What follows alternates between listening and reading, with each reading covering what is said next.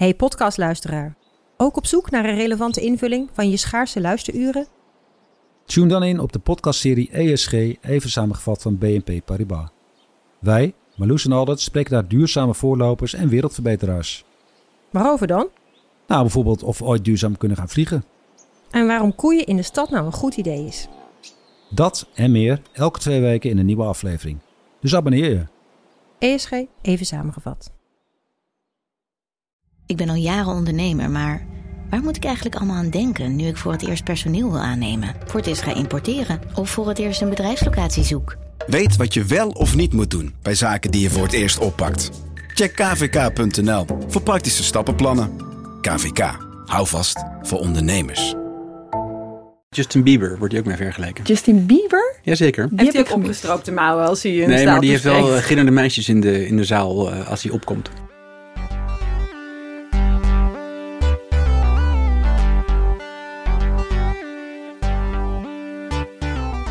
Vanuit de mediatoren op het Binnenhof in Den Haag is dit Haagse Zaken. Fijn dat je luistert. Mijn naam is Lamia Aharwai en het komend uur krijg je alles te horen over Als je rotzooi trapt, dan ben je gewoon een klootviool en dan ben je het bokje. Dan ben je het bokje. Jesse Klaver, de nummer 1 van GroenLinks. Ik vind Jesse zeer stijlbewust, ijdel. Eh, en daar hoort bij dat je je eh, op een bepaalde manier kleedt voor een bepaald publiek. Dit is Filip de Witwijnen. Hij werkt nu drie jaar lang voor NRC in Den Haag. Hij was altijd al heel jong, eh, een, een jong talent. In de Tweede Kamer viel hij meteen al op eigenlijk, omdat hij zo jong was. En dit is Annemarie Kas. Zij begon in 2011 bij NRC op de Haagse redactie. Maakte ook de campagne van 2012 mee. Leuk feitje, Jesse Klaver was toen nog campagneleider.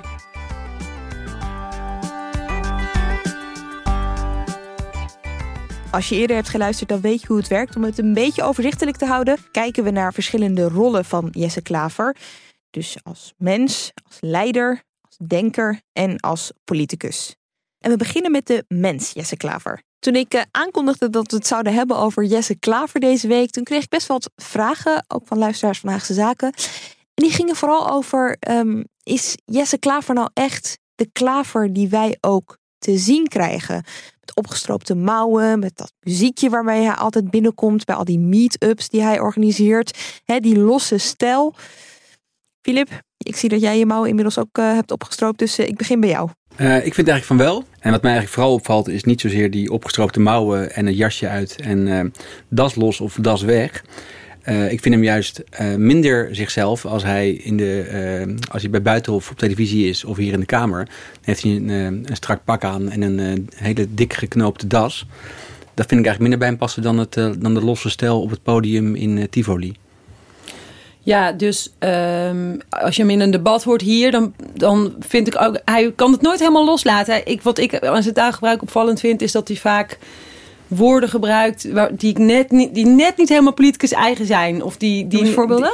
nou, bijvoorbeeld, ehm, eh, hij zegt, ik zat van hier in voorbereiding nog een filmpje te kijken, zegt hij fucking, vul in. Weet je, als bijvoeglijk naamwoord gebruikt hij dat dan. Of me- je bent het bokje, of eh, dit zijn de vetste plekken. Of nou, ja, eigenlijk heel populair Wat taalgebruik. Trump zei, dat was ook alweer... ehm, ehm, hij had iets heel denigrerends over Trump in de verkiezingscampagne van Trump.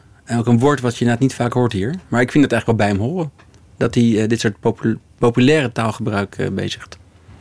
Ja, dat kan. Ik weet niet zeker of het... Je bedoelt dat het authentiek is? Mafklapper, sorry. Hij zei mafklapper over eh, Oh, ja. Trump. Is dat een ik- populair woord? Dat doet me echt denken aan de jaren. Nou ja, je zei vet of hip, Ja. of cool. Dat, dat zegt Rutte. Nou ja, Rutte zegt dan gaaf. Ja, Het, waanzinnig. het, het is, maar het is, wel, het is wel bewust gebruikt, denk ik. Maar het is wel, ehm, ik denk dat hij thuis eerder zo spreekt dan dat hij het over ehm, koopkrachtplaatjes heeft.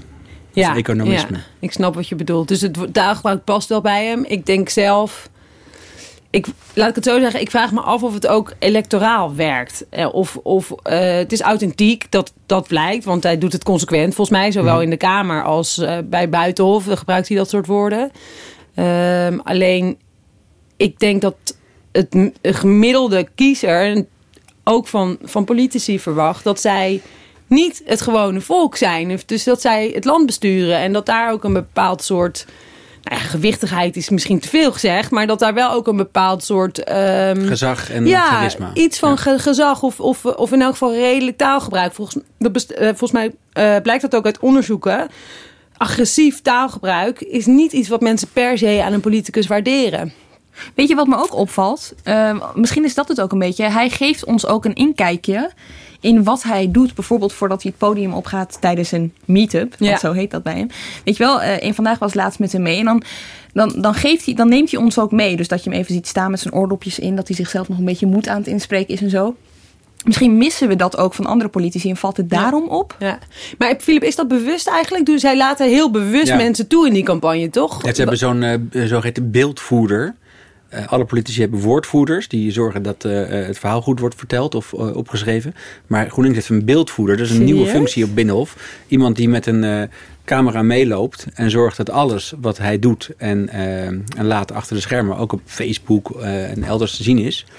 Eh, en hij- ze hebben ook eigen fotografen. Maar dat, is, eh, dat, dat begrip ken ik als eerste bij GroenLinks. Maar eh, Denk doet het ook. En ik was vanochtend bij de persconferentie van eh, ehm, 50PLUS zonder Henk Rol. Maar wel met een eigen cameraploeg. Die zaten mij te filmen toen ik aan de financiële man vragen ging stellen. Dus ze doen het eigenlijk allemaal. Om een ongefilterd beeld eh, van zichzelf in de wereld te kunnen brengen. En moeten denk ik ook niet vergeten, hij is pas over de 30 hè? 30 is hij volgens ja, mij. 30,5. Ja. Dus 1 mis- mei jarig.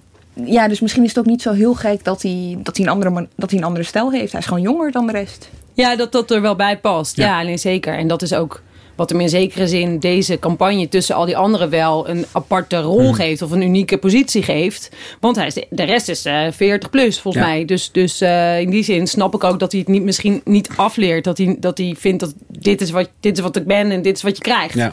Dat Maar- past wel bij hem. Maar is, hij, is hij ook zo als die camera uit is? Want dat kunnen jullie natuurlijk bepalen. Dus als hij rondloopt op de patatbalie en die camera's staan uit. Of je ziet hem, eh, je ziet hem Ja. ergens in de wandelgangen.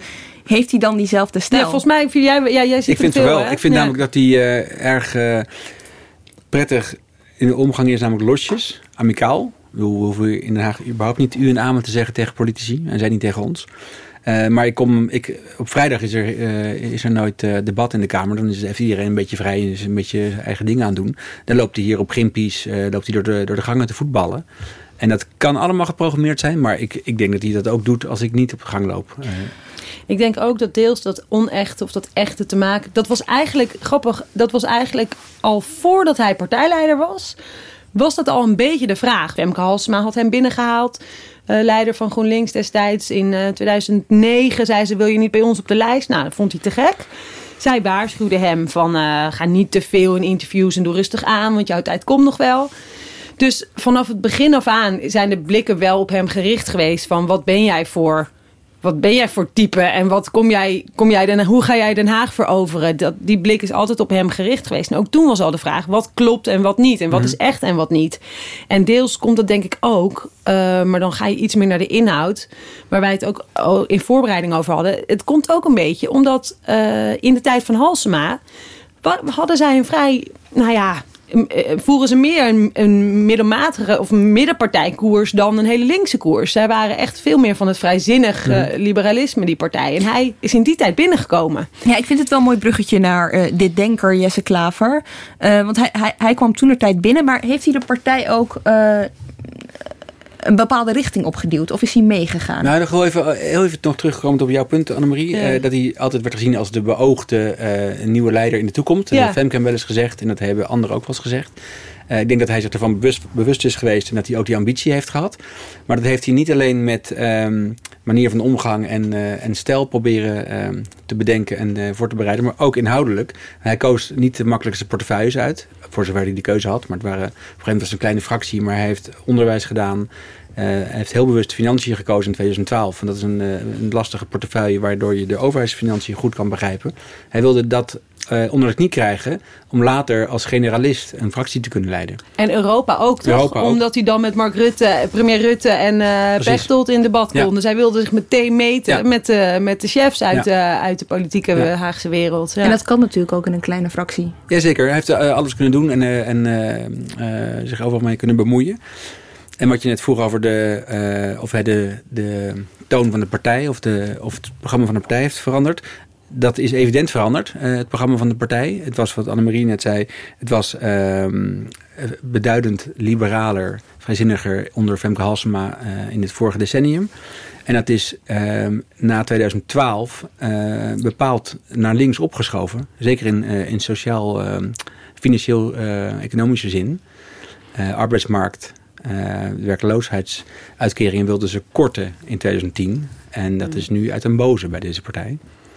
Waar komt, dat, waar komt dat vandaan? Nou, dat is door, mede door die verkiezingen in 2012 hebben ze, zoals elke partij dat doet, als ze flink verliezen tijdens de Tweede Kamerverkiezingen, zijn ze op onderzoek uitgegaan waar is het door gekomen. En uh, in 2012 was uh, Jolande Sap was toen partijleider lijsttrekker. En voor haar was Jesse Klaver dus uh, campagneleider. Zij is toen drie weken na de verkiezingen afgetreden. Omdat het allemaal toch uh, te heftig was. En ook de partij geen vertrouwen meer in haar had. Want vertel even, eh, van hoeveel naar hoeveel zetels gingen Zij hadden in 2010, wonnen ze onder Halsema 10 zetels. En toen zijn ze in 2012 onder SAP uh, naar 4 gekelderd. En zelfs eigenlijk was het 3. En Jesse Klaver die stond op nummer 4 als campagneleider.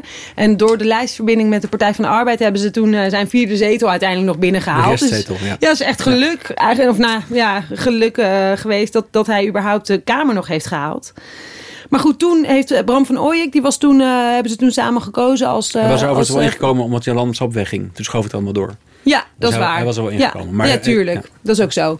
Maar toen was Bram van Ooyek fractievoorzitter. En dat is een, dat is een heel vriendelijk, uh, nou ja, wat oudere vaderfiguur... Die de, die de boel echt weer op orde heeft gebracht. En die ook gewoon rust in de fractie heeft. Uh, heeft nou ja, voor zover dat dan met vier man nog moeilijk is. Want met z'n tienen kwamen ze er niet uit. Maar met vier man ging dat wel. Um, en, en zij hebben toen onderzoek gedaan. En daar kwamen drie punten uit, uit mijn, uit mijn hoofd. Um, wat ze met militaire missies moeten. Want ze bij de GroenLinks altijd gevoelig. Nou, wat, Philip, wat jij net zei, Philip. Die uh, ontslagrecht, arbeidsmarkt. Dus de, de sociaal-economische kant moesten ze weer links af, vonden zij. En het derde, wat was het? Milieu, denk ik. Ja, milieu. Groen, ja. meer een duidelijke groen verhaal. Dus niet meer dat ingewikkelde uitruil wat ze hadden, maar gewoon hop, de vervuiler betaalt. Dat Ja. was eigenlijk uh, wat ze toen vonden. En ja, die koers heeft Jesse Klaver volgens mij steeds gewoon voortgezet eigenlijk. Ja, Of heeft hij daar ook echt nog iets in veranderd? Nou, de- ik denk één ding wel, want ehm, in de tussentijd was de financiële crisis nog niet afgelopen. Die heeft diep eh, ingehakt eh, in, eh, in Nederland. En Jesse Klaver deed de portefeuille Financiën en zag eh, ook wel de schade die de, die de bankaire sector in het land heeft aangericht. Het vertrouwen in bankiers was totaal weg, en zeker bij hem. Eh, en hij vond, eh, hij heeft heel erg op, hij deed ook de, de, de, eh, fiscale woordvoering. Hij vond ehm, ongelijkheid van belasting betalen, vond hij gruwelijk. En eh, eh, bijgevolg ongelijkheid van inkomen. Hij is natuurlijk ook de man die eh, Piketty naar de Kamer Toen kwam het boek van meneer Piketty uit Frankrijk over inkomensongelijkheid in bepaalde, sommige westerse economieën. Dat heeft hij enorm uitgebuit. Maar dat vindt hij ook echt. Hij vindt dat grote bedrijven te weinig belasting betalen en daar allemaal trucs voor hebben en daar Nederland voor misbruiken. En hij vindt dat de gewone man met de gewone baan en de gewone vrouw met een gewone baan te, eh, te veel belasting moeten betalen. Dus dat, daar heeft hij zich helemaal in vastgebeten. En daar heeft hij, denk ik, zichzelf wel eh, als financieel woordvoerder op de kaart eh, meegezet. Hey, heeft hij een financiële achtergrond? Totaal niet. Eh, hij heeft een studie gedaan en dat heet geloof ik opbouwwerk. Ik dacht dat het maatschappelijk werk heette. Eh, dat is ehm, zeg maar eh, het organiseren van buurthuizen in kansloze wijken. Heel Daar, dat wilde hij graag doen in zijn, in zijn leven. Dus is dat hij, een mbo of hbo? dat was een, de Avans Hogeschool, dus de HBO. Oké. Ehm, dat, was, dat is zijn, zijn vakopleiding geweest. Ehm, en hij is... Heeft hij dat afgemaakt? Die heeft hij afgemaakt. Hij wilde daarna nog politicologie gaan doen, maar dat is hij, eh, daar is hij of niet aan begonnen of heeft hij... Toen is hij eh, meteen de praktijk ingerold. Waar, waar mensen twijfelen over zijn eh, onderwijscarrière, of dat nou allemaal eh, gestapeld is geweest. Want hij mocht van de vrije eh, school, mocht hij in één keer door naar HBO. Dus hij heeft nooit MBO gedaan. Maar ehm, dat, dat, hij kreeg wel een papiertje om daarheen te kunnen. Dus het is niet illegaal geweest. Maar hij is in ieder geval gesjeest als student eh, in academische zin. Mm. En daar moet hij om lachen. Maar hij heeft, eh, en hij, zijn eerste baan was eh, volgens mij bij, eh, bij, bij Dwars. Oh ja. Die jongere afdeling Ja, ik weet niet of een baan was, een betaalde baan is. Maar dat was in ieder geval zijn eerste Mensen grote- die werk uit papier. zijn, zijn eerste grote eh, werkervaring. Eh, en hij heeft toen is gaan werken bij het eh, CNV Junior. Ja. CNVJ, de, de jongere, de jongere eh, afdeling van de vakbond de CNV. Dat was zijn eerste echte baan. En vanaf daar is hij de politiek ingerold. Nee, Ja, ik vergis me. Hij heeft nog als medewerker op de fractie gewerkt in 2006. Ehm, onder eh, Femke Halsema. Ja, Zo en toen heeft zij gevraagd of hij niet zelf eh, de kamer in wil. Ja, maar dus, tussen Ja. tijd was hij dus naar het CNV gegaan. Maar goed, al die tijd, ik zat nog na te ik zat nog een beetje na te denken. Al die tijd is volgens mij wat er in elk geval authentiek is aan Jesse Klaver, is zijn ambitie. Die heeft hij nooit onder stoel of banken gestoken. En op de een of andere- manier komt dat nu samen. Weet je, vallen, vallen die dingen samen. Ik bedoel, Bram van Ooyek had natuurlijk nooit zo'n campagne opgezet met meetups en opgestroopte mouwen en, en, en eh, eh, ja. poptempels vol met mensen. Dat past, dat, dat past ook bij wie hij is. En Over dat- die ambitie is een leuke anekdote. Eh, hij was een keer toen hij voorzitter van Dwars was, dus de jongere club van GroenLinks. Dat was, dan ben je student nog volgens mij als je dat, dat soort dingen doet. Toen was hij gebeld door een radioprogramma met de vraag... Goh, kun je eens wat mensen noemen die ehm, graag de politiek in willen? En toen had hij wat suggesties. Zei hij van, maar je mag mij ook bellen, want ik wil ook de politiek in. En ik wil leider van GroenLinks worden. Dus dat riep hij toen al. En ik, dat, hij, is ook, hij is ook brutaal genoeg om dat ook te uiten. Ik denk dat eh, veel politici ambitie hebben. Maar sommigen daar eh, te, te laf voor zijn om dat echt uit te spreken. Want er is al een eh, lijsttrekker of er is al een, voorzitter. En hij heeft denk ik eh, heel vroeg gezegd, ik wil wel de baas worden. Ja, dus hij ging ook naar GroenLinks met het idee van... eh, jongens, eh, hier word ik de baas over een paar jaar. Dat denk ik wel. Ja, zeker. Ja. Goed, terug naar wat hij eh, de partij heeft gebracht. Dus eh, goed, eh Annemarie zegt het al, dat onderzoek is geweest, er kwamen dingen uit. Daar is, het is duidelijk dat hij zich daar ook echt op heeft eh, gefocust. Zijn er nou ook mensen binnen de partij, daar ben ik altijd wel interessant, dat, vind ik heel erg interessant. Halsema heeft hem dus groot gemaakt, heeft hem binnengehaald. Heeft hij daar nog steeds contact mee? Hoe is zijn contact met Bram van Ooyek, die natuurlijk... Ik hoorde zojuist van een andere GroenLinkser dat de partij altijd heeft geworsteld met het, eh, het ehm, uitmelken van oude partijcorifeeën. Waar de VVD en het CDA en PvdA doen het altijd. Bij congressen zitten ze op de eerste rij. Dat duurde bij, was bij GroenLinks best lastig. Zeker in 2012 na die crisis. Ja. Niemand wilde meer naar het congres toe van de oude leiders. Maar dat is nu de laatste jaren wel eh, het geval. En eh, Femke Halsema heeft vorig jaar, eh, of een paar maanden terug, het congres toegesproken om Klaver te introduceren. Dat heeft Bram van Ooyek ook gedaan. Nou, die is ook terug op de lijst gekomen eh, op nadrukkelijk verzoek van Klaver. Dus hij zoekt het contact met die oude leiders eh, zeker. Hij heeft eens in de zoveel tijd een etentje met alle vier, vijf. Jolande Sap gaat ook af en toe er naartoe. Die nog het meest heeft Wie gedistanceerd zijn dat dan? Dat, dat zijn dan Sap, Halsema, Sap, Paul? Rozemuller. Oh, Rozemuller. Ehm, en van Ooyek. En Paul Rozemuller kwam ik laatst ook tegen achter de schermen. Die ook hem nog een pep talk gaf voordat hij zijn speech ging houden in, eh, in Utrecht. Ja, wat zei hij? Weet je dat? Mm, Dat kon ik niet helemaal waarnemen. Eh, de- ik, ik let altijd op wie dan achter de schermen dan eh, eh, Jesse preppen voor zo'n eh, voor zo'n eh, zaal van schouder. 2000. Ja. En dat is, eh, nou ja, hij heeft een vaste klik hier in de fractie. Maar Paul Rozemuller was, liep er ook rond. En dat was niet alleen uit nieuwsgierigheid. Die heeft hem ook zeker eh, een vaderlijk advies eh, willen geven. Wie is het vaste klikje uit de fractie? Eh, dat is interessant, want eh, jij vroeg of hij de partij heeft veranderd. Ik denk dat dat ook eh, bij alle normale bedrijven gebeurt. En zeker ook bij politieke bedrijven, bij fracties. Dat de nieuwe leider ook nieuwe mensen eh, aantrekt. Nou is dat bij GroenLinks lastig, want dat is een kleine fractie met weinig budget, weinig geld. Maar toch zijn er wel wat eh, oude makkers van Klaver teruggekomen bij de fractie als medewerker. Voor een be- bescheiden salaris, want er was niet zoveel geld. En je ziet het ook zeker in de lijst, de kandidatenlijst. In de top 10, top 15 zitten veel vriendjes van Jesse Klaver. En ik vind het bekendste voorbeeld eh, Bart Snels. Bart Snels is nummer 9 op de lijst nu. Die was eh, een van de spindokters en tekstschrijvers van Femke Halsema. Uit de liberale hoek van GroenLinks. En die werd al twee jaar geleden teruggehaald. Kort nadat Jesse Klaver eh, fractievoorzitter was geworden. Tot, ehm, tot bezorgdheid van veel oude GroenLinksers. Bezorgdheid? Die- Of was ja, het ook, nee, die, nee, die vonden het, het ook een beetje frustratie op? Of, eh, nou, ze vonden het ook gek dat er weer toch, dat is Klaver moest naar links, maar hij benoemde dan toch weer een liberale vriend als, ehm, als adviseur. Die zorg zit er volgens mij steeds bij die oude. eh, Ja, je hebt natuurlijk ook die communistische eh, achterban van, eh, van Ja. GroenLinks. Dat is een deel van hun. eh, daar is een deel van hun. Jawel, maar bij, bij Bart, bij is Bart. Snels is het niet helemaal onterecht, want Bart Snels heeft in een, in een eh, eh, tussentijd, tussen zeg maar periode Femke Halsema en nu periode Jesse Klaver, heeft hij voor Alexander Ja. Pechtold gewerkt, voor D66. Nou, dan kun je toch zeggen dat dat eh, niet een, eh, een, een figuur is die eh, het profiel van GroenLinks linkser kan maken. Nee, en ik denk eerlijk gezegd dat dat ook de zorg is die zij bij Jesse Klaver zelf nog steeds hebben. Die echte linkse, eh, eh, zeg maar de allerlinkste deel van de partij. Dat zij denken, is Jesse Klaver niet stiekem ook toch Ja. ergens een verkapte Dat komt daar D66er? vandaan, ja. En, ze, en Wordt is dat natuurlijk gedacht binnen de ja, nou ja? Ik, nou, binnen zijn fractie, nee, nee, nee. Binnen zijn fractie, dat is nu ook, die is nu zo klein. Dat zijn natuurlijk alleen maar Lisbeth van Tongeren, eh Rick Lin- Gassoff en, en Linde eh, Voortman. Linde Voorman. Dus dat Ja. is een klein clubje. Maar wel in, in de... In de GroenLinks ach- Ja, de, de achterban. Dus de, de provincialere eh, delen. Provincialer, ik denk vooral ook Amsterdam, het Amsterdamse deel. In Amsterdam Ja, zit een groot Amsterdam deel van de links. ehm, GroenLinks-fans. Dan heb je ehm, de, de club van Fem- Femke Halsema. Vroeger tussen aanhalingstekens de grachtengordel genoemd. Misschien nog steeds wel. Nog steeds wel door sommige mensen, ja. Maar daar heeft ze nooit gewoond volgens mij. Ehm, maar je hebt ook eh, het oude linkse GroenLinks. Vroeger had je een beweging kritisch GroenLinks. Van een paar eh, echte oude rotten die nog uit de, nou, uit de, uit de CPN-hoek voort, eh, voortkwamen. Die, die waren altijd bevreesd dat de partij te liberaal werd onder Femke. En dat is nu met Jesse nu even verstomd. Maar toen hij ehm, aantrad als fractievoorzitter en dit soort mensen als Bart Snels binnenhaalde. Toen dachten ze, hé, hey, Daar we moeten gaan niet we weer, weer. moeten we niet weer die kant op. Maar je zou dus kunnen stellen dat hij het heel slim heeft gedaan. Want hij heeft dat programma heeft hij dus wel naar links geschoven. En hij heeft zich echt gefocust op de punten die dus blijkbaar belangrijk waren bij die achterban. Blijkt uit dat onderzoek. En, maar, eh, dus ja, hij- dat is voor zijn aantreden gebeurd. Hè? Dat, is, dat, is, dat is daarvoor geweest en hij heeft dat vastgehouden. Wat Ja.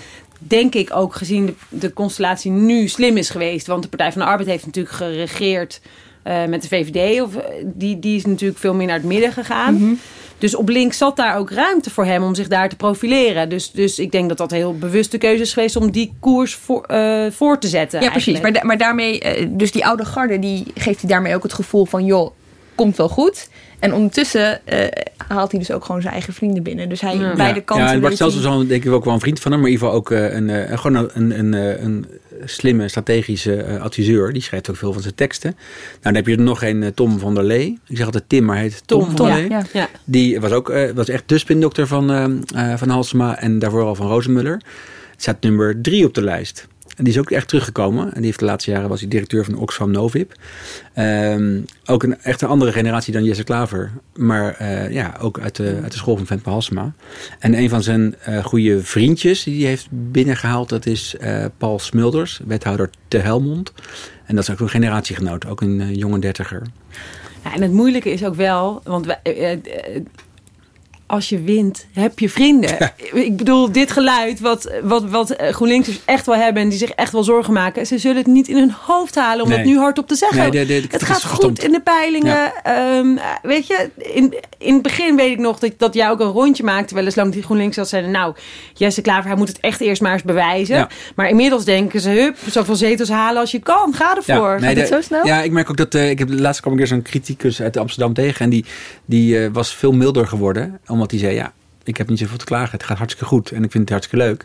Maar ze blijven zeggen, eh, we moeten het nog zien als we straks ga- moeten gaan mee formeren of gaan mee regeren. Waar klagen ze precies over? Nou ja, die oude klacht die ik net zei. Ja. eh, het moet niet liberaal zijn. En ook, dat las ik ook laatst terug in een reportage in de krant vanuit Nijmegen. Ook al zo'n GroenLinks bolwerk.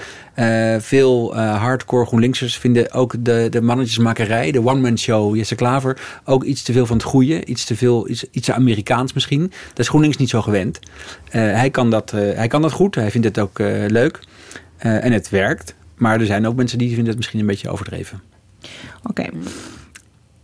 Ik kom er toch nog eventjes op terug. Want goed, eh, je vertelde al, eh, Annemarie, eh, dat programma dat was er in principe al. Dat heeft hij dus voortgezet. Maar zou je hem omschrijven als eh, visionair? Als iemand die echt ook zijn eigen... Want als, als portefeuillehouder financiën had hij dus heel duidelijk zijn eigen ideeën. Ja, Kan ja. hij die kwijt in ja, deze ja. Hij zegt het eerst maar, dan zeg ik daarna het andere. Ja, in welke valkuil ga ik nu trappen? Nee, ja, visionair. Wanneer ben je visionair? Kijk, Als je een heel duidelijk idee hebt met wat je wil... Voor Nederland in dit geval. nou, ik moet eerlijk zeggen, ik, kijk, hij heeft toen dat economisme, die term, eh, de- de gemunt. Hè? Dat is een beetje waar jij op doelt, Philip. Ook die tijd van de financiële crisis. Waarom gaat het alleen maar over de centen? En het, de maatschappij is meer dan de rekensom van hoeveel gezondheidszorg of eh, economische groei kost. Weet je, het, het leven is geen rekensom. Nou, ik denk dat hij dat heel slim heeft aangevoeld. Dat dat toen heel goed... Volgens mij was het anderhalf, twee jaar geleden... dat het echt in die periode paste. Maar eerlijk gezegd, nu de campagne volop stoom is... hoor ik hem veel zeggen... ja, natuurlijk hebben mensen een baan nodig... en natuurlijk houden wij uw inkomen op peil... en natuurlijk eh, kijken we naar de uitkeringen en de hoogte... en de koopkracht is heel erg belangrijk. Dus ja, als je nou echt staande houdt dat het leven geen rekensom is, dan zou je dat toch ook in de campagne wat meer moeten eh, vasthouden. Filip, laat zich mag jij. leiden door de Nee, ja, campagne kijk, eh, je vroeg of hij visionair was. Ik vind als je inderdaad eh, een bepaald thema zoekt over de inrichting van de samenleving, dat heeft hij echt gevonden en geformuleerd in, dat, in die strijd tegen het economisme. En hij wilde ook, dat hoorde ook op zijn bucketlist van hoe word ik politiek leider, eh, boeken schrijven. Het zijn boekjes hoor, heel, eh, het zijn hele dunne boekjes. Eh, het eerste boekje ging over eh, het economisme. Eh, maar dat, daar heeft hij zeker wel een visie neergele, eh, neerge, eh, proberen neer te leggen. Ja, over- maar, maar dat is heel makkelijk natuurlijk. Een visie schrijven, weet je wel. Je kan, eh, oké, daar kan je Ja. een prachtige boek over Ja. schrijven. Maar twee is als je op de positie komt dat Ja. je er ook iets mee kan. Ik, ik denk dat economisme ook niet een handig woord was voor in, in de campagne. En hij heeft, heeft hij ook mensen om zich heen. Een van de oudere garde mensen die ik vergeten te noemen was Wijnand, is Wijnand Duivendak. Die is campagneleider. Die zal zeggen, dat woord werkt niet zo goed. Niet te vaak uitspreken, want daar snappen mensen niks van. Te moeilijk. Of te Dus, moeilijk. ja. En het is, eh, wat Annemarie ook zegt, het, is niet, het, is niet meer, eh, het gaat niet meer zo om de economie, eh, deze campagne. Ehm, en het is ook waar dat GroenLinks wel degelijk hangt aan eh, CPB-modellen. Want ze hebben hun programma laten doorrekenen. en Daar kwamen ze relatief goed uit op de korte termijn. Lange termijn iets minder. En voor de ZZP'ers wat minder bleek ook recentelijk. Ja, ook dat. Eh, dus ze, maar goed, dat is ook. eh, het land besturen moet je doen met begroten en met, eh, en met, eh, en met rekensommen. Dus je kunt nooit helemaal zeggen dat je de BBP gaat afschaffen. of het, de rekenmachine weggooit. of het Excel-sheet. Als je bestuurt, dan hoort dat erbij. Eh, ik vind niet dat je dan daarmee je visie overboord gooit. Een tweede thema, het was ook zijn tweede boekje, dat was nog dunner dan de eerste. Dat ging over eh, de empathische samenleving, hoe we met elkaar omgaan. Een beetje het, het, het, actueel. het nieuwe thema, of het nieuwe leidende thema in de campagne. Wanneer was dat? Want, Dat eh, boekje verscheen in september, dacht ik. Oké, dus het was wel echt een aanloop naar, de, naar deze campagne. Ja, zeker. Nee, was ook, ook heel bewust gekozen en getimed. Heeft hij in de zomervakantie over nagedacht. en is hij voor gaan. hij was op reis in Amerika en in Canada. Trudeau. Even bij Justin eh, Ja. koffie drinken. Heeft hij dat gedaan? Nee, Geen idee. Nee, nee, nee, Oh, nee. Hij, heeft alleen, eh, hij heeft mensen van de Hillary-campagne ge- gesproken. En van Sanders, daar is hij nog een grotere fan van. Hillary is hij namelijk geen fan van. Eh, en hij heeft ook Trump-stemmers eh, ontmoet, zegt hij. Ik was er niet bij. Maar goed, hij heeft dus eh, daar wel gedachten over. En die probeert hij ook echt goed te formuleren voor zichzelf. En ook in een boekje te verspreiden. Levert ook geld op voor de, voor de kassa van GroenLinks, eh, ga ik vanuit. Want je krijgt dat boekje, of kun je het kopen via de site van GroenLinks. Ehm, ik denk, eh, eh, een visionair, ja, je hebt gelijk, je moet het ook nog maar zien uit te voeren. Dat kan ik niet vanaf hier zeggen of dat ook gaat gebeuren. Ik denk ook dat zijn voor, tot nu toe in elk geval zijn voornaamste ehm wapenfeit deze campagne ook is dat hij al die mensen op de been brengt. Want dat is Ja. wel iets eh, in de eh, eh, veel politieke partijen verliezen leden. Het is echt moeilijk om in deze tijd mensen aan je te binden en om, om Nederlanders warm te krijgen voor de politiek. Want ja, je vraagt de gemiddelde ge- ge- voorbijganger op straat en ze zeggen, nou, de politiek, de politici vindt ze allemaal even slecht, vindt het allemaal even erg. Dus daar, dat is misschien geen visie, maar het zijn enthousiasme en, en die mensen op de been krijgen omdat ze willen dat het anders moet. Hoe dat anders dan precies eruit ziet, die verandering, Ja. dat is niet altijd even concreet. Maar hij heeft wel echt, ja, hij brengt mensen op de been, hij brengt dingen in beweging. Dat is echt Ja. wat je, wat je Ja, en ik denk ook, geven. eh, er zit wel visie in die campagne. Ze wilden niet Mhm. ouderwets eh, met Jesse Klaver de markt op of eh, alle kleine buurthuizen langs door het hele land. Een paar bijeenkomsten, Meetups. groot, meetups, groot aangepakt, via Facebook aangekondigd. En ik ben er bij een paar geweest. En, het, en het, de aantallen lopen echt op van eh, eh, 500, 800, 1000 tot eh Joh, hij gaat 2000. Avals Live eh, afhuren. Ja, de de- daar oude passen er geloof ik 6000 dus, in. eh, En is, ik- dat al, is dat al uitverkocht? ik hoor 80% eh, nu eh, eh, uitverkocht. Oh. Overigens zijn de kaartjes daarvoor gratis. Maar ze hebben toevallig komende maandag een ehm meet-up in Leiden. En daar passen maar 750 mensen in de zaal. Want toen hadden ze nog weinig geld toen ze dat zaaltje boekten. Ah. Ja, maar even in vergelijking met 750 is al andere veel. politici Ja. is Want 750. Buma, Ja, gaat naar. Buma gaat naar Drachten. En dan zitten er misschien 40 in de zaal. 40 Ja. bejaarden. En hij heeft eh 700 eh, swingende studenten. En wat is nou het aandeel leden, niet leden? Eh, dat is heel leuk. De vraag is in het begin altijd eh, wie, ehm, wie heeft er wel eens GroenLinks gestemd? Nou, dan zie je niet zie je ongeveer de helft omhoog gaan. Wie De is helft er, mocht nog niet stemmen. Precies. Wie is er eh, lid van GroenLinks? Zijn er weinig relatief, eh, misschien eh 20%. En wie ehm, is er ehm, ouder dan 30? Nou, dan zie je ook weinig handen. De, de meeste zijn tussen de 20 en de 30 daar. Ja, ik moet zeggen, ik, ik vertelde het je al even net eh, toen we hierheen liepen, maar ik stond eh, eh, voor de deur tijdens het vragenuurtje een keertje op dinsdag achter een groep scholieren die de Tweede Kamer kwam bezoeken. En op het scherm, het vragenuurtje was al begonnen, begon Jesse Klaver dus te praten. En die meisjes die begonnen gewoon echt in koor te giechelen en te wijzen en elkaar aan te stoten. Dus hij heeft wel een bepaalde ja, X-factor, Oh, zeker. kun je zeggen. Ja. Ja, En, en- ook, en ook trouwens in onvermoede kringen. Ik heb hem laatst dus meegenomen naar een, naar een feestje van Quote. Ik heb ooit bij Quote gewerkt, dus ik ken, die, eh, ik, ik ken dat blad goed. En het is ook het blad, het, het clubblad van het kapitalisme, van de, de Ja, rijke zeggen, Nederlanders. Klaver en quote. De vijand van Jesse nou- En Klaver. Eh, die wilde ik al jaren meenemen naar zo'n Quote 500 feestje. En dat, dat ging toen niet, niet door, of dat wilde hij niet. Dit keer was hij ook zelf uitgenodigd voor een jubileumfeest. En we waren in de beurs van Berlage, dus allemaal dikke, vette miljonairs. Stonden allemaal eh, Ferraris op de stoep. En Jesse vond het prachtig. Hij zag eruit eh, zoals hij hier er ook uitziet. Maar hij werd daar niet herkend als politiek leider van een linkse partij. Maar als een ehm, succesvolle eh, financieel expert van de Zuidas. Hey, want ze groeten ze hem van, ik ken jou wel van, van dat en dat advocatenkantoor, of van die bank. Hij zei, nee, maar ik ben Jesse Klaver van GroenLinks. Oeh, dat, dat begreep helemaal niemand. Maar hij, eh, hij, hij heeft een soort eh, schutskleur. Wat eh, in intrigerend. Hoe reageerde hij daarop? Hij vond het geweldig. Hij vond het echt leuk. En hij vond het ook leuk om in het hol van de leeuw met, met die mensen te spreken. Ik, ik heb hem aan een, aan een vastgoed eh, scharrelaar uit Monaco voorgesteld. En dat, dat was op zichzelf wel komisch. Want als je in Monaco woont, dan heb je een andere belastingmoraal dan Ja. dat je in, in Zoetermeer woont. En een vaste baan hebt. Maar hij vond het geweldig. Maar hoe reageerden mensen als hij zei... ja, ik ben die ene van GroenLinks? Eh, dat vonden ze heel interessant en leuk dat hij was gekomen. Ze, ze omschreef het ook zo van, jij, jij durft om hier te komen. En iedereen, ging, eh, iedereen heeft sympathie voor hem in die kringen. Maar vind, de- vinden wel ook dat hij ehm, eh, het geld van rijke mensen probeert af te pakken. Daar heeft hij ook een paar hele harde, zware maatregelen in zijn verkiezingsprogramma over staan. Ja, dat klopt. Grappig dat je dat zegt. Ik zag een filmpje op hun eigen Facebook met eh, Johnny de Mol. Doet hij zo'n gesprek over de samenleving. Op de Zuidas Op, was dat. ja, was ook op de Zuidas, inderdaad. Ja. Heb je het gezien? Zij, Ik moet nog even kijken. Nou, het is wel geestig, want helemaal op het einde. Het is een beetje zo'n eh, beetje zo'n geintje op het einde. Maar dan zegt Johnny de Mol, ja, klinkt allemaal wel leuk hoor, Jesse. Alleen die, erf, eh, die, dat, die erfbelasting die jullie voorstellen. Dus de belasting die je betaalt over een erfenis, die je dubbel moet betalen. Kan je daar niks aan doen, want zijn vader heeft natuurlijk bakken met geld. Zijn vader is miljardair. Ja, exact. Dus ze zei, ja, nou hij heeft er zo hard voor gewerkt. Dus wat een onzin dat, ik, dat we er dan dubbel belasting over moeten betalen. En eh, Jesse, dit is natuurlijk een grap, maar Jesse Klaver zegt dan niet, ja...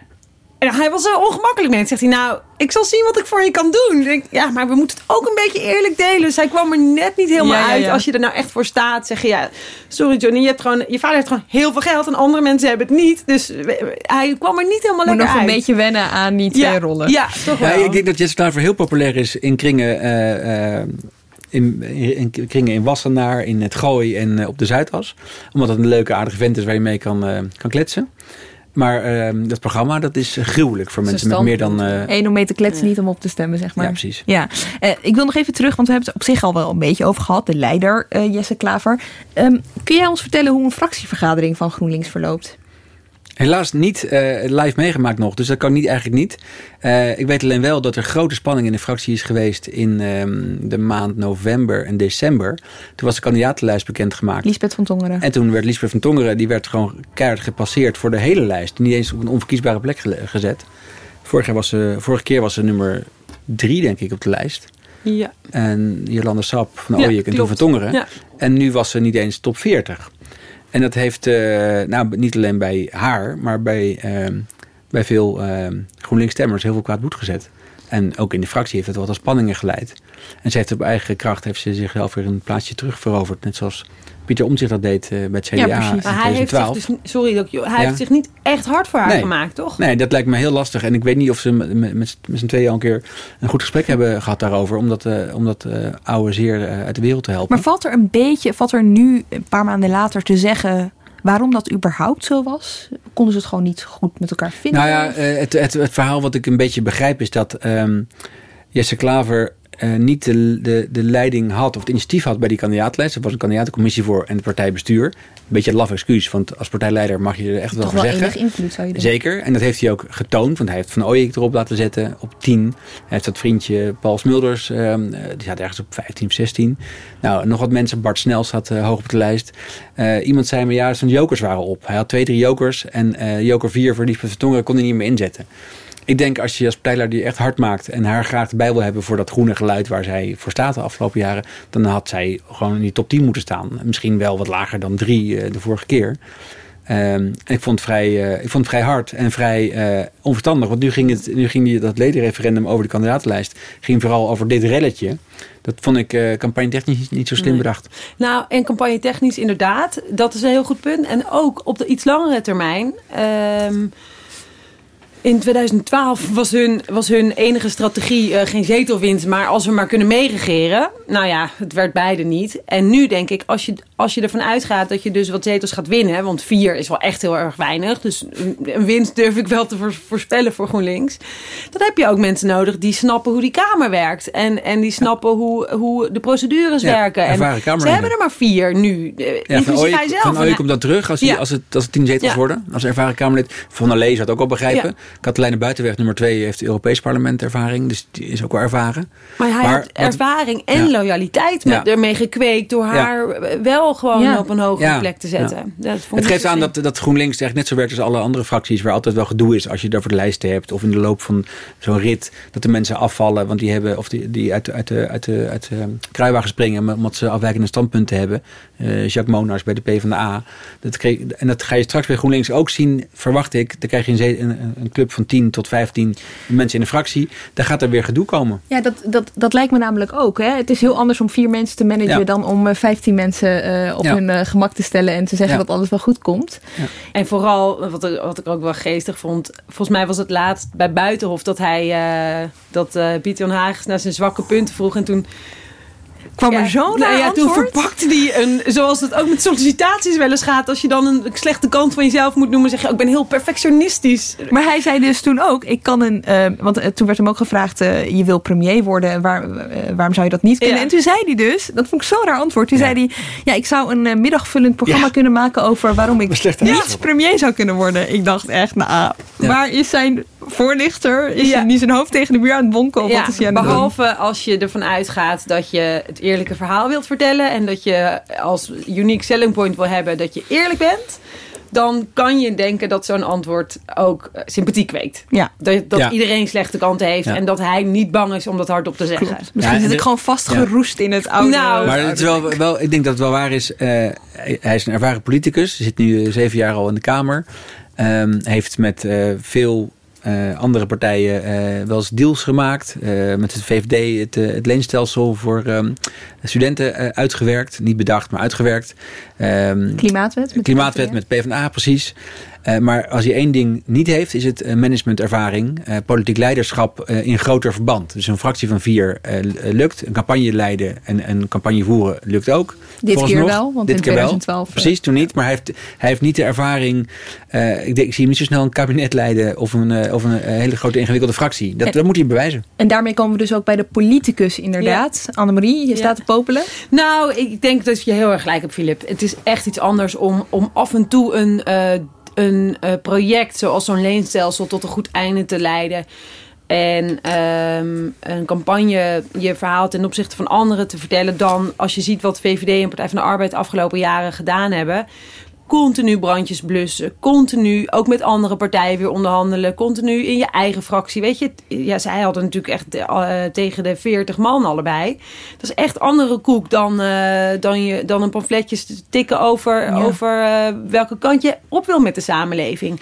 En sowieso, daar heeft hij weinig ervaring in. Maar in meeregeren heeft heel GroenLinks geen ervaring. Nog Al- nooit gedaan, hè? Nee, ze hebben nog nooit meegeregeerd, precies. En, en altijd als zij iets van eh, bestuurdersverantwoordelijkheid gingen dragen, dan was het ook moeilijk voor de partij. Want, want dan kwam er ook eh, in de partij nou ja, weerstand, omdat ze dan dachten: ja, wacht even, maar waarom is dit eigenlijk goed voor GroenLinks?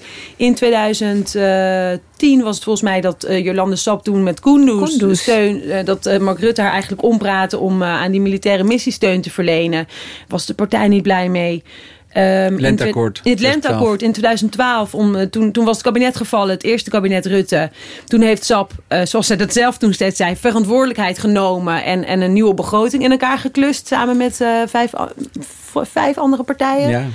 En dat daarvan was de partij ook helemaal niet zo blij. Die zeiden ook, ja, waarom hebben we dit nou eigenlijk gedaan? Dat waren de twee kiemen voor de mislukte verkiezing. Ja, de verloren precies. verkiezing van dus, dus ja, elke keer als het neigt naar verantwoordelijkheid nemen. Kijk, dat leenstelsel is goed gegaan en die klimaatwet. Maar dat zijn echt, dat, zijn kruimels in vergelijking met een, met een regeerakkoord in elkaar timmeren. En daar vervolgens ook je hele fractie en partij in meenemen. Dat is GroenLinks nog Ja, nooit en, gelukt. en, en een van de eh, issues denk ik op tafel bij de formatie zal, zal zijn het belastingstelsel. Dat wil men al jaren veranderen. Iedereen vindt het nodig. En GroenLinks ook. Die heeft het als enige eh, een beetje uitgewerkt in het programma. Maar dat is heel erg eh, eh, ver- eh, vooral vergroening van het belastingstelsel. En dat is ook niet voor iedereen de bedoeling. Dus dat gaat nooit 100% Ik wil zeggen, dan komt hij zichzelf natuurlijk tegen. Want dan moet Ja. je ineens gaan onderhandelen over Ja. iets waar je heel principieel over En dan moet je gaan inleveren. En dat, dat, dan gaat je achterban weer zeuren. Hey, en Filip, zijn ze niet ook al bezig met dat soort lijstjes van... oké, wat kunnen we weggeven in een formatie? Of wat, wat, wat moeten we per se binnenhalen? Is dat Eh, ze ja, op twee niveaus is- is GroenLinks zich aan het voorbereiden op, eh, op formatieonderhandelingen. Ik denk niet op uh, regeringsnemen, dat is pas de volgende stap. Ja. Ehm, ze praten met andere partijen. eh, vooral eh, links. Klaver wil heel graag die linkse samenwerking al vooraf regelen voor na 15 maart. Want hij wil, eh, hij wil wel campagne voeren tegen hen. Maar hij wil wel zorgen dat ze samen sterk zijn. Zodat ze eh, PVV sowieso, maar ook VVD kunnen uitsluiten van regeringsdeelname. Ja, dat maakte hij eh, recentelijk, ik ga je even onderbreken, Ja. recentelijk nog wel eh, heel fijntjes duidelijk toen Dijsselbloem hem aanviel. En hij ging er heel ja, volwassen mee om eigenlijk. Zoals je een kind toespreekt van joh, hè, we hebben elkaar nodig, laten we maar even geen ruzie maken. En Ja, dat ja dat ook van het hoort erbij en een campagne. Maar straks Ja. gaan we weer samen zaken doen. Hij wil heel graag dus met SP, PvdA sowieso. Maar het liefst ook D66 en CDA erbij. De, achter de schermen zijn er al gesprekken. Eh, kopjes koffie, maar ook wel... Jesse Klaver probeert het echt concreet te maken. Eh, Heeft hij de regie genomen over deze gesprek? nou ja, als je komt natuurlijk net kijken. Dus hij- voor mij heeft hij heel snel hem gefeliciteerd en gezegd... we moeten snel afspreken. Dus in die zin wel. Maar als je zou ook met iedereen willen praten. Maar eh Klaver wil het iets concreter hebben dan de vorige keer. eh, kopjes koffie tussen Marijnus eh, en, en Wouter Bos en, ehm, en Femke Halsema. Eh, dat is het ene niveau. En het tweede niveau is dat ze in de partij met de top, de toppers, dat zijn fractieleden hier, fractieleden in de Eerste Kamer en in Europa. En de top zoveel kandidatenlijst, eh, top 15 geloof ik. Daar vragen ze wat wil je per se wel in de onderhandeling op tafel. En wat kan eventueel sneuvelen. Wat zijn onderhandelbare dingen. Dus de veto's en de, en de ehm, ononderhandelbare punten worden daar wel afge... Ja, die worden wel opge, eh, eh, opgeschreven. Ze, ze, maken zich wel, ze, ze verwachten wel een uitnodiging van een informateur, denk ik. Nu al. Ja, ik wou zeggen, wij zitten er nu ook over te praten alsof het al 15 maart is. Maar we hebben natuurlijk nu de, nog 2,5 week te gaan. Ja. Het is nu 23, 22 februari. Dat moet je nooit zeggen voor een uitzending die over twee dagen Oh. wordt uitgezonden. Nee. Maakt niet uit, onze luisteraars zijn heel flexibel. die Maar, dat eh, maar Jesse Klaver die, eh, ging in september al juichen alsof hij had gewonnen hè? in de, de Melkweg. Toen was hij alleen maar zijn verkiezingsprogramma aan het aankondigen. Ja. En toen... En hij, hij, hij, is, hij is echt brutaal eh, in die ambitie. Ja, sterker nog, hij zegt ik wil gewoon premier, premier worden. worden, sleutels van het, eh, van het torentje en ik ga het, eh, het land veranderen. Ehm, als hij iets moet uitleggen aan kiezers over een half jaar, is dat hij dat niet gaat doen op die manier zoals hij het heeft verteld. Ja, maar we zeiden net al, hij is iemand die het ook toegeeft als iets niet lukt. Nou ja, kijk, en laten we wel wezen. het, eh, ehm, de kans dat dit lukt, mogen we niet zo waarschijnlijk achten. Maar dat geeft in zijn geval misschien ook niet. Want hoe dan ook, een fikse winst is voor GroenLinks al heel erg mooi. Want je hebt nu vier zetels in de Tweede Kamer. Dus alles wat meer dan een verdubbeling is, is gewoon goed. Eh, wanneer zijn ze blij? Tien, tien zetels? Nou, inmiddels is die grens van 10, kritische grens van dan hebben we het, dan hebben we echt goed gedaan, is nu naar 14 opgeschoven, intern, begrijp ik. Ja. Eh, voor mij heeft Klaver eigenlijk één stiekem eh, droom, die is wat lager gesteld. Hij wil 12, minimaal 12 halen, want dat is het hoogste ooit. Was Oh. niet 11 het hoogste ooit Elf, bij Paul. Ja, Hij wil gewoon de GroenLinks-leider zijn die het hoogste aantal zetels ooit heeft gehaald. En dan ben je er met 12. Dus dat palingen, maar hoe, hoe ver staat hij nu? Ja, volgens mij, ik heb het no- nog even nagekeken. PVV en VVD staan, eh, samen, zijn samen de grootste. En hij komt na D66 en CDA op tussen de 15 en 17 zetels, volgens Peilingwijzer. Ja. Waarbij de eh, verschillen tussen D66 en CDA en zijn partij niet significant zijn. Dus het zou ook kunnen dat hij groter is dan het CDA of Ja. D66. Dat was trouwens heel vervelend voor eh, de campagne van GroenLinks en voor Klaver in bijzonder. Dat dat debat niet doorging met die vier partijen. Want hij had wel eens de nummer vier kunnen zijn. Het was het toen niet, hij was toen vijf. Maar hij had daar als enige uh, linkse, linkse, uh, ja. linkse lijsttrekker... had hij dat debat, dat essentiële primeersdebat had hij kunnen meevoeren. En tegen Rutte en Wilders. Tegen Rutte en Wilders. tegenstanders. Ja. ja dat en dat, dat gaat niet door. En nu mag je ook al niet meedoen met het debat op links. Hij wil gewoon de ring in. Hij wil vechten met iedereen. Op een leuke, normale manier. Een goede manier. En als hij dan thuis moet blijven. Ook in de Kamer bij debatten. Hij had laatst Rutte gevraagd bij het vraaguurtje. Maar Rutte kwam niet. Die stuurde Koenders. Ja, en hij wordt gewoon genegeerd door, door Rutte. Dat vindt hij heel vervelend. En dat is, ja, of hij wordt genegeerd, of hij zegt dingen als mijn jonge vriend Jesse Klaver. Oh god, ja, ja. ja. dat is een beetje de, ja, een beetje badinerend. Rutte ja. heeft er geen belang bij om hem, tot nu toe heeft hij er geen belang bij om, om Klaver groot te maken. Ook niet om Ascher groot te maken trouwens. Maar uh, zodra, zodra aan die kant iets verandert, weten we dat, uh, dat uh, Jesse Klaver staat te juichen, ja. denk ik. Want die heeft natuurlijk wel baat bij Ja, dus in die zin dat hij deze week wordt aangepakt door bepaalde media en door bepaalde linkse partijen. Ja. En dat, is, dat maakt hem wel ook een serieuze speler in het, in het veld. Ja. Daarover nog heel kort, want ik vond zijn reactie daarop vond ik wel weer opmerkelijk. Dus hij ging een beetje op de tour van die media die... een flauwekulverhaal of iets. Ja. Onzin, zei hij. Onzinverhaal, ja. Ja. Vond ik ook niet zo sterk. Ja, voor mij moet je het laten, lekker laten lopen als dit soort dingen gebeuren. Je had het kunnen verwachten, daar, daar had hij al een punt in, had hij wel gelijk in. Maar uh, het, uh, het afserveren als een flauwekulverhaal vind ik niet verstandig. Niet wrijven in een vlek. Dat is nog zo'n oude campagnewijsheid. Maar kan ja. je leren van Henk Krol. of eigenlijk hoe hij het niet moet doen. Oké, okay, uh, Filip, je mag je mouwen weer naar beneden ja, halen. Want we zijn klaar. Dank jullie wel. En daarmee komen we alweer aan het einde van deze aflevering van Haagse Zaken. Nog even om te checken. Jesse, wat vond je nou zelf van deze uitzending? Uh, ik, ik heb, je hebt dit recht om dit te gaan doen. Uh, heel veel succes ermee. Ah, fijn. Wij vonden het ook leuk hoor.